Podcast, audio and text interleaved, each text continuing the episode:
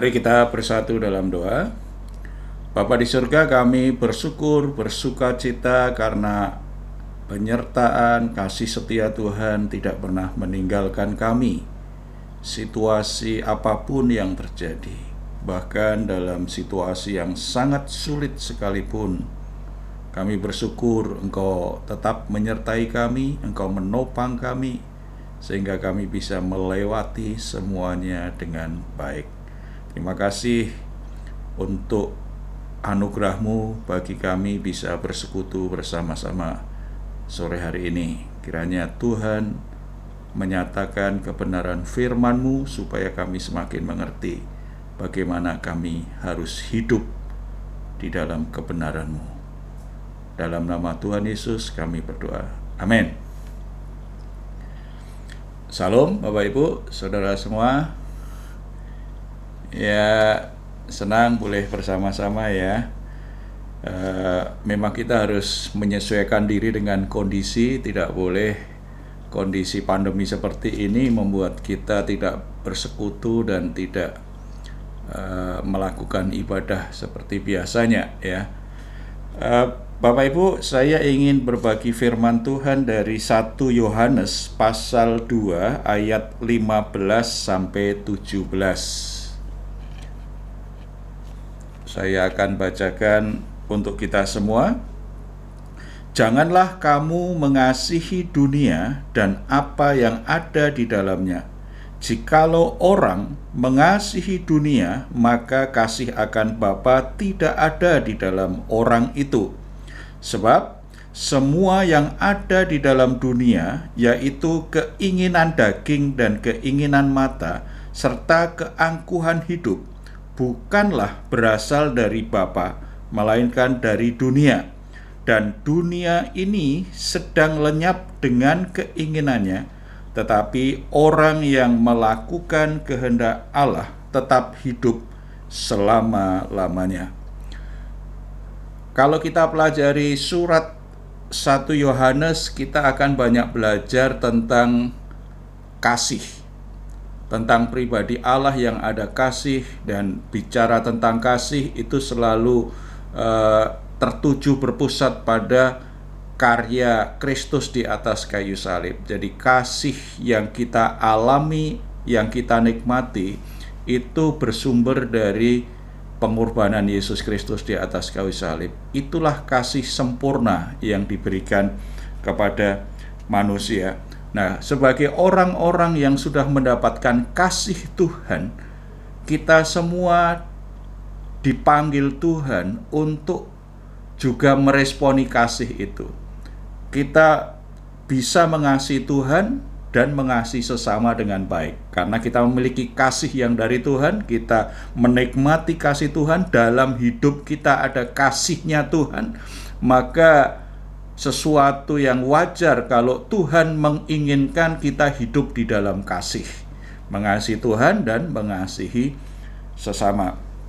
Tadi di ayat 15 dikatakan begini, Janganlah kamu mengasihi dunia dan apa yang ada di dalamnya.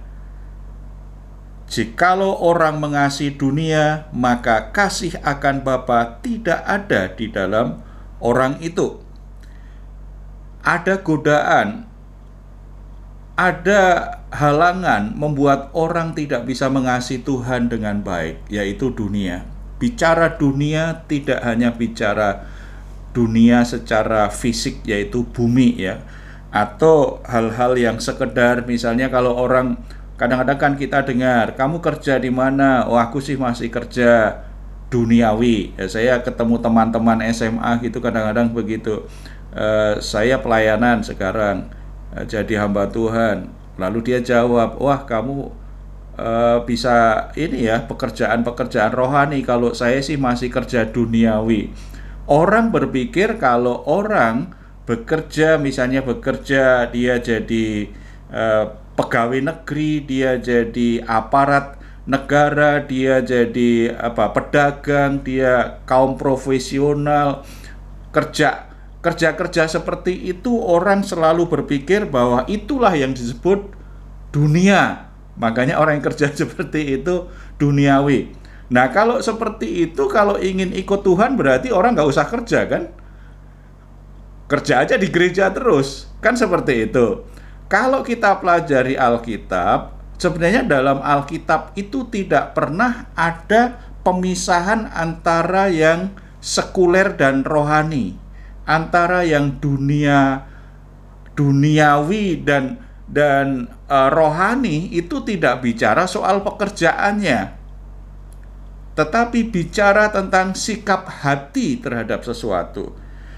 Dari ayat 15 kita diingatkan, jangan kamu mengasihi dunia.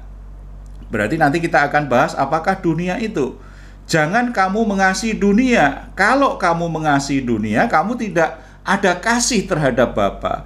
Berarti tantangan untuk menjadi orang Kristen yang tetap mengasihi Tuhan seperti misalnya kondisi pandemi sekarang kan karena nggak ketemu dengan eh, saudara-saudara seiman, tidak bisa berkumpul di gedung gereja. Kadang-kadang orang tidak lagi semangat untuk beribadah.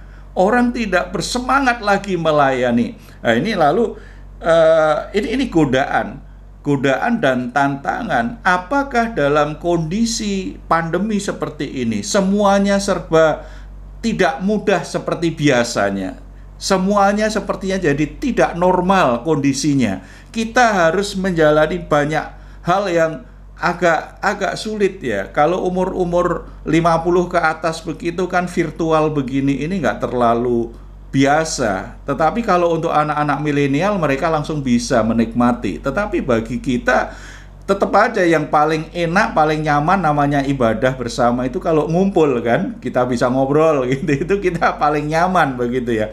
Itu ada tantangan. Ini menjadi sebuah tantangan. Apakah dalam kondisi seperti ini kita tetap mengasihi Bapa di surga? Dalam kondisi sulit seperti ini apakah kita tetap bisa mengasihi Bapa di surga?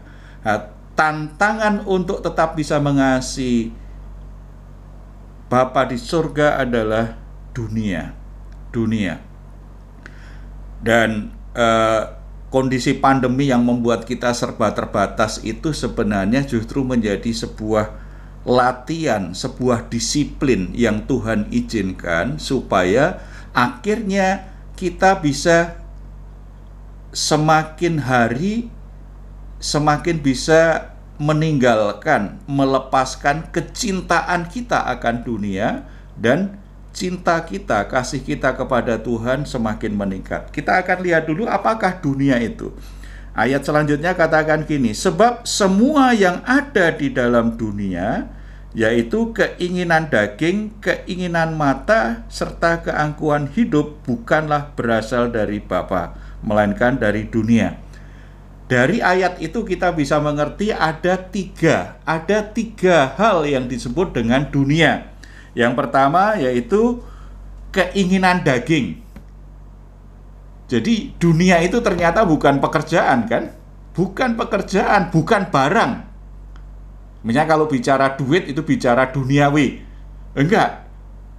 Tetapi bicara keinginan daging. Keinginan daging itu keinginannya siapa? Keinginan yang ada dalam diri kita. Yang kedua, keinginan mata. Kembali, yang disebut duniawi itu ternyata dalam diri kita. Bukan yang di luar. Dan yang ketiga, keangkuhan hidup.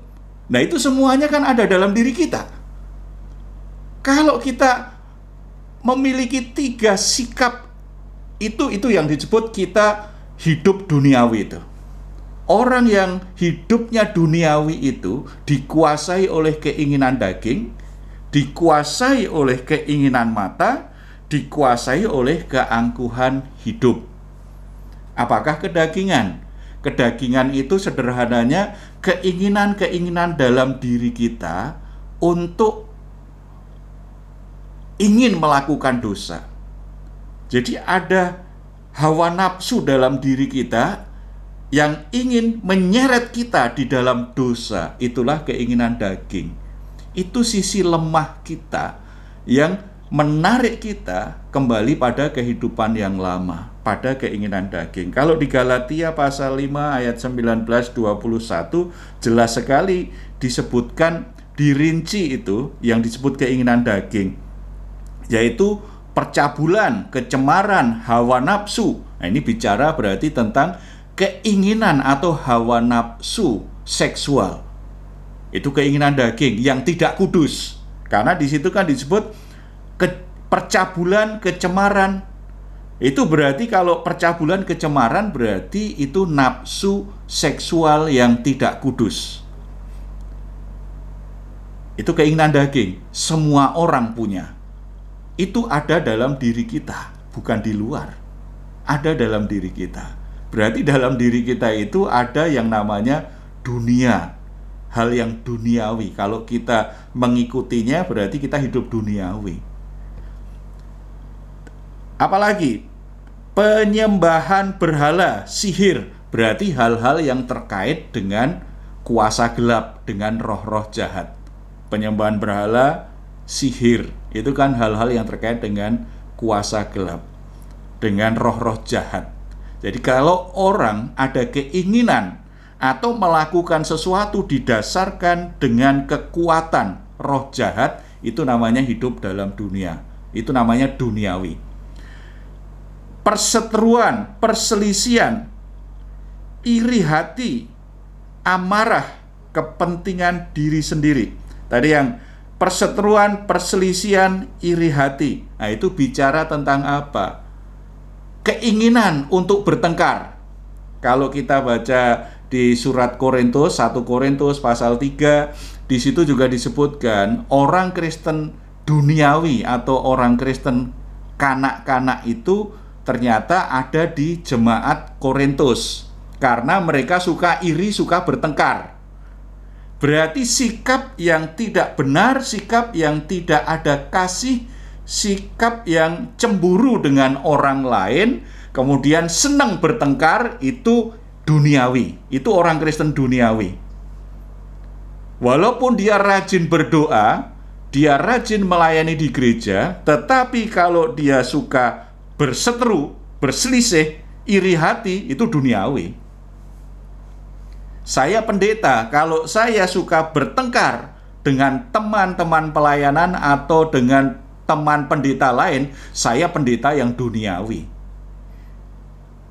Kegiatan saya, pekerjaan saya itu tidak jadi ukuran saya Kristen duniawi atau rohani eh, atau saya Kristen dewasa dan rohani enggak nih. Ternyata saya bisa juga jadi orang Kristen duniawi. Kalau saya suka bertengkar dengan teman pelayanan saya. Karena di situ tadi yang disebut kedagingan tadi kan perseteruan, perselisihan, iri hati. Bisa aja kan pendeta cemburu dengan pendeta yang lain. Akhirnya ribut. Itu duniawi itu. Amarah kepentingan diri sendiri, percidraan. Itu itu bicara tentang orang-orang yang punya apa ya punya ini orang yang egois sekali egois. Amarah orang yang amarah penuh dengan amarah suka marah-marah itu pasti egois tuh. Karena dia hanya menuruti keinginan perasaannya sendiri. Amarah itu beda dengan marah. Kalau amarah itu berarti memang orang suka marah-marah. Kalau marah-marahnya itu jadi tabiat sifat itu namanya pemarah karakternya pemarah. Tetapi kalau marah, sesekali marah, itu manusiawi sekali. Setiap orang bisa. Tetapi kalau orang dikuasai amarah, berarti dia memang tipe orang yang suka tidak bisa mengendalikan marahnya. Itu kedagingan, itu duniawi. Kepentingan diri sendiri. Yang penting aku senang, orang lain terserah. Yang penting aku suka, orang lain terserah jadi kalau orang hanya memikirkan diri sendiri, ini eh, itu kedagingan dan itu duniawi. Percidraan, percidraan itu suka suka melukai diri sendiri, suka menyakiti diri sendiri. Suka menyakiti diri sendiri. Ada banyak orang kadang-kadang eh, kalau lagi marah atau dia eh, lagi nggak nyaman dengan dirinya justru nyakiti diri sendiri. Ya, Orang-orang yang misalnya kalau anak-anak muda pakai narkoba, nyuntik tubuhnya sendiri, itu bagian dari percidraan. menyakiti diri sendiri ya. Ada yang lebih parah lagi kadang-kadang saking dia marah dengan dirinya dia nyakiti diri sendiri. Ada yang sengaja itu noreh-noreh noreh-noreh tangannya sendiri. Ada yang bentur-benturkan kepalanya sendiri. Oh, itu itu problem kejiwaannya sudah lebih serius ya tapi suka nyakiti diri sendiri intinya begitu jadi eh, suka membuat tubuhnya itu justru eh, sakit. Roh pemecah kedengkian, eh, diulang lagi nih, roh pemecah dan kedengkian. Kalau tadi suka bertengkar, iri hati, sekarang meningkat lagi itu. Kedengkiannya akhirnya dia pakai strategi gimana supaya uh, supaya apa ini ada perpecahan kita sering dengar tidak hanya soal keluarga kan pecah. Kadang-kadang di gereja pun yang seharusnya mengalirkan kasih Tuhan itu juga ada ada pemilihan majelis gitu. Kadang-kadang ada roh pemecah nih. Padahal jadi majelis itu kan panggilan pelayanan. Semuanya juga karena mengasihi Tuhan, ingin ambil bagian dalam pekerjaan Tuhan. Cuma sayangnya kadang-kadang ada roh pemecah karena dorongannya ada keinginan dengki tadi loh. Sehingga pemilihan majelis, pemilihan pelayan Tuhan kok malah ribut. Harusnya kalau pelayan pemilihan pelayan Tuhan itu kan orang sukacita ya. Sukacita lah harusnya. Karena itu kan pekerjaannya Tuhan, orang yang mau mengabdikan diri kepada Tuhan kalau dia mengasihi Tuhan, ya seharusnya tidak membuat kacau keluarga Tuhan, gereja Tuhan. Jadi kenapa ada orang Kristen justru mengacaukan gereja? Padahal dia aktif di gereja. Itu kedagingan namanya. Itu Kristen duniawi. Kristen duniawi.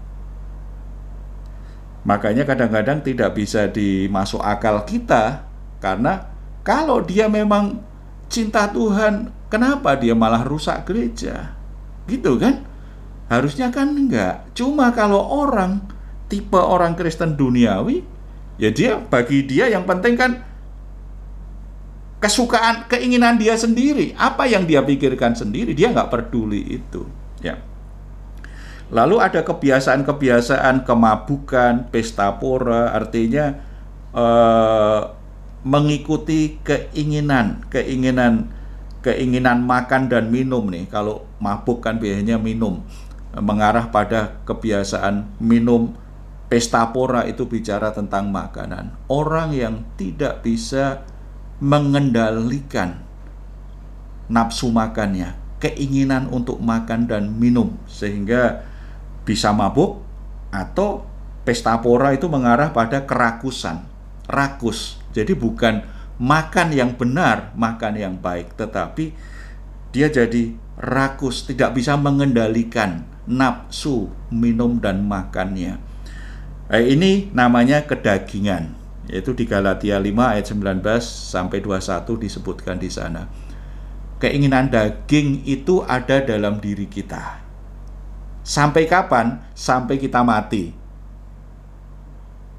Jadi kita mungkin orang yang sangat dekat sekali dengan Tuhan, tapi tetap harus waspada dengan keinginan daging kita. Karena itu ada dalam diri kita sampai kita bawa mati ini. Yang Tuhan ajarkan soal keinginan daging apa? Matikan. Beberapa surat Rasul Paulus kita diajar kalau kaitannya dengan keinginan daging apa? Matikan keinginan dagingmu itu seperti Paulus bahkan berkata begini, salibkan dagingmu itu disalibkan. Seperti Kristus menyerahkan tubuhnya disalib untuk apa? Menebus dosa dan mematahkan, menghancurkan kuasa dosa.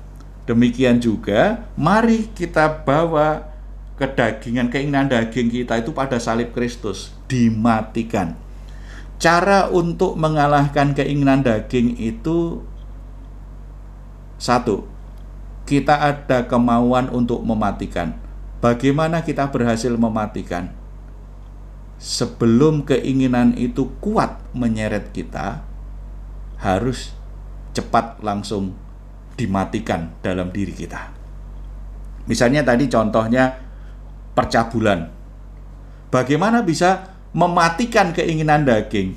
Ya ketika ada keinginan itu baru muncul cepat dimatikan. Cepat dimatikan.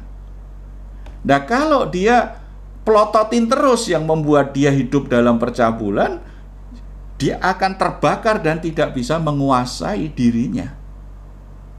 Tidak bisa menguasai dirinya, dia harus matikan hal-hal yang membuat dia akhirnya terseret dengan keinginan itu, dia harus cepat-cepat matikan. Karena keinginan daging itu itu muncul kapan saja itu dalam diri kita itu tidak bergantung statusnya sebagai orang Kristen apa.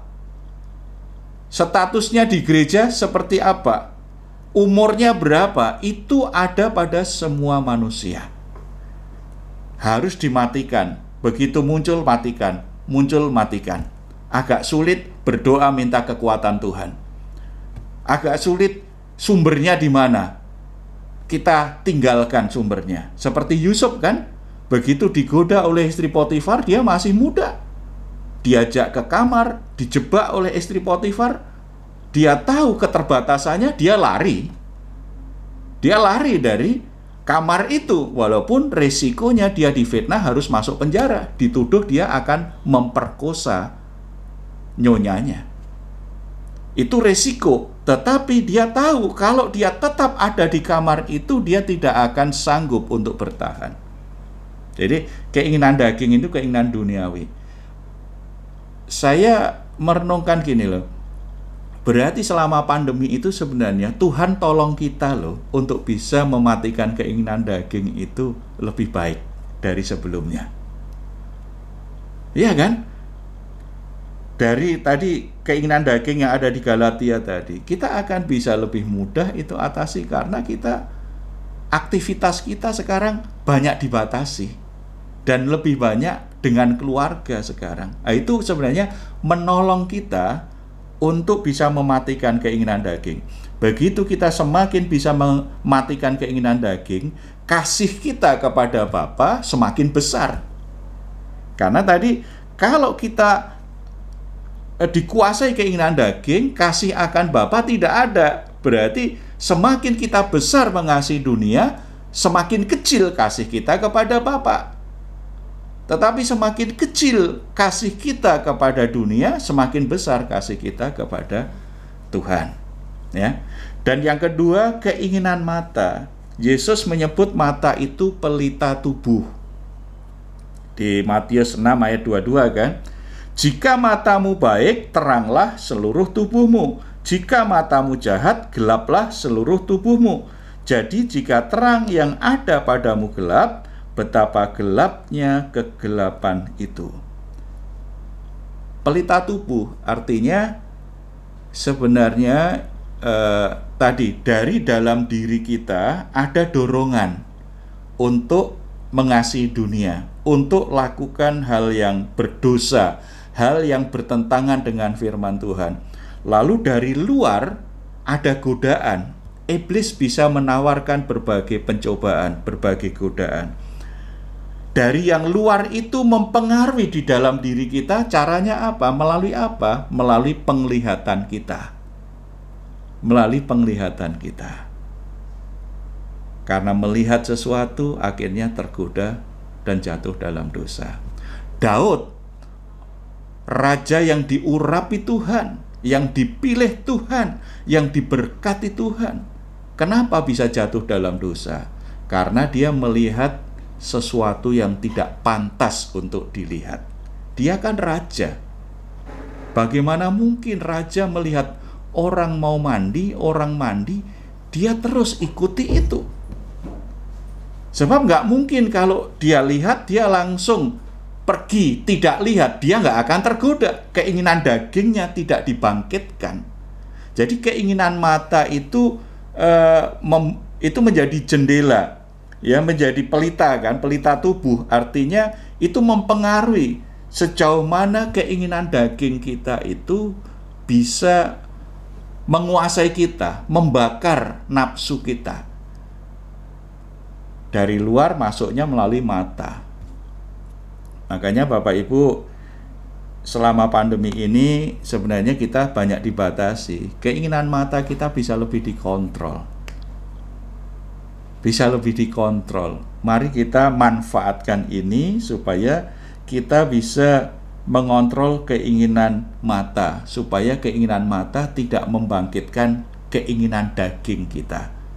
Kalau keinginan mata kita menyeret keinginan daging kita untuk memilih dan melakukan sesuatu yang berdosa tadi dari yang Galatia pasal 5 tadi ya punya sikap emosi, hubungan, perilaku yang berdosa maka kasih kita kepada Bapa menjadi menurun. Gairah kita untuk ibadah, untuk berdoa menjadi turun. Keinginan mata itu harus diarahkan pada hal-hal yang benar, hal-hal yang baik. Kalau kita melihat sesuatu yang akan menyeret kita, membangkitkan keinginan daging kita, kita mesti alihkan itu. Jangan seperti Daud. Dia gagal, akhirnya dia tidak hanya berjinah, dia mem, merancang sesuatu yang jahat. Akhirnya suami Betseba terbunuh. Itu yang merancang siapa? Daud. Dia singkirkan suaminya supaya dia bisa memiliki istrinya. Untuk seorang raja yang diurapi Tuhan, itu sesuatu yang sangat keji. Sangat keji. Karena apa? Dia tidak bisa mengontrol keinginan matanya. Jadi kalau keinginan daging dimatikan, jadi sebelum membakar kita matikan. Keinginan mata harus didisiplin nih. Harus didisiplin. Penglihatan kita harus pada sesuatu yang membuat hidup kita, hati kita itu semakin baik, semakin bersuka cita, semakin mengasihi Tuhan, semakin mengasihi orang lain. Keinginan mata kita harus kita arahkan pada hal yang benar. Yang ketiga, keangkuhan hidup keingin ada pencobaan di luar kemudian masuk dalam diri kita karena itu kan pelita tubuh kan mempengaruhi keinginan daging kita dan mempengaruhi keangkuhan hidup kita. Keangkuhan hidup itu kata lainnya kan kesombongan. Menyombongkan diri dengan sesuatu yang kita anggap hebat yang kita miliki. Jadi eh, yang dari luar itu bisa mempengaruhi keinginan daging kita atau keangkuhan hidup kita. Bisa mengobarkan dua hal itu. Sekarang di masa pandemi kita ditolong Tuhan sebenarnya. Untuk apa? Bisa mengelola. Kita kita bisa bisa keangkuhan hidup kita itu banyak hal itu kita bisa bisa hilangkan. Kita bisa turunkan ya. Kita semua punya kecenderungan untuk membanggakan diri sendiri membanggakan apa yang kita miliki. Meskipun kita baca di Alkitab ya seperti Paulus. Paulus berkata kalau aku mau bermegah aku akan bermegah dalam kelemahanku. Prakteknya bagi kita pasti sulit sekali. Bermegah dalam kelemahan. Biasanya bermegah itu dalam kepintaran kita, keberhasilan kita, kehebatan kita, masa lalu kita. Tapi Paulus luar biasa, dia bisa karena apa? Dia mengerti kebenaran bahwa kasih karunia Allah bagi dia cukup apa pun yang dia miliki tidak ada nilainya kalau tidak ada kasih karunia Allah. Makanya Paulus bisa berkata kan di surat Filipi, kalau mau bermegah secara lahiriah, aku lebih dari kalian semua. Kalau dari sisi agama, umur 8 uh, ya delapan hari ya, aku sudah disunat.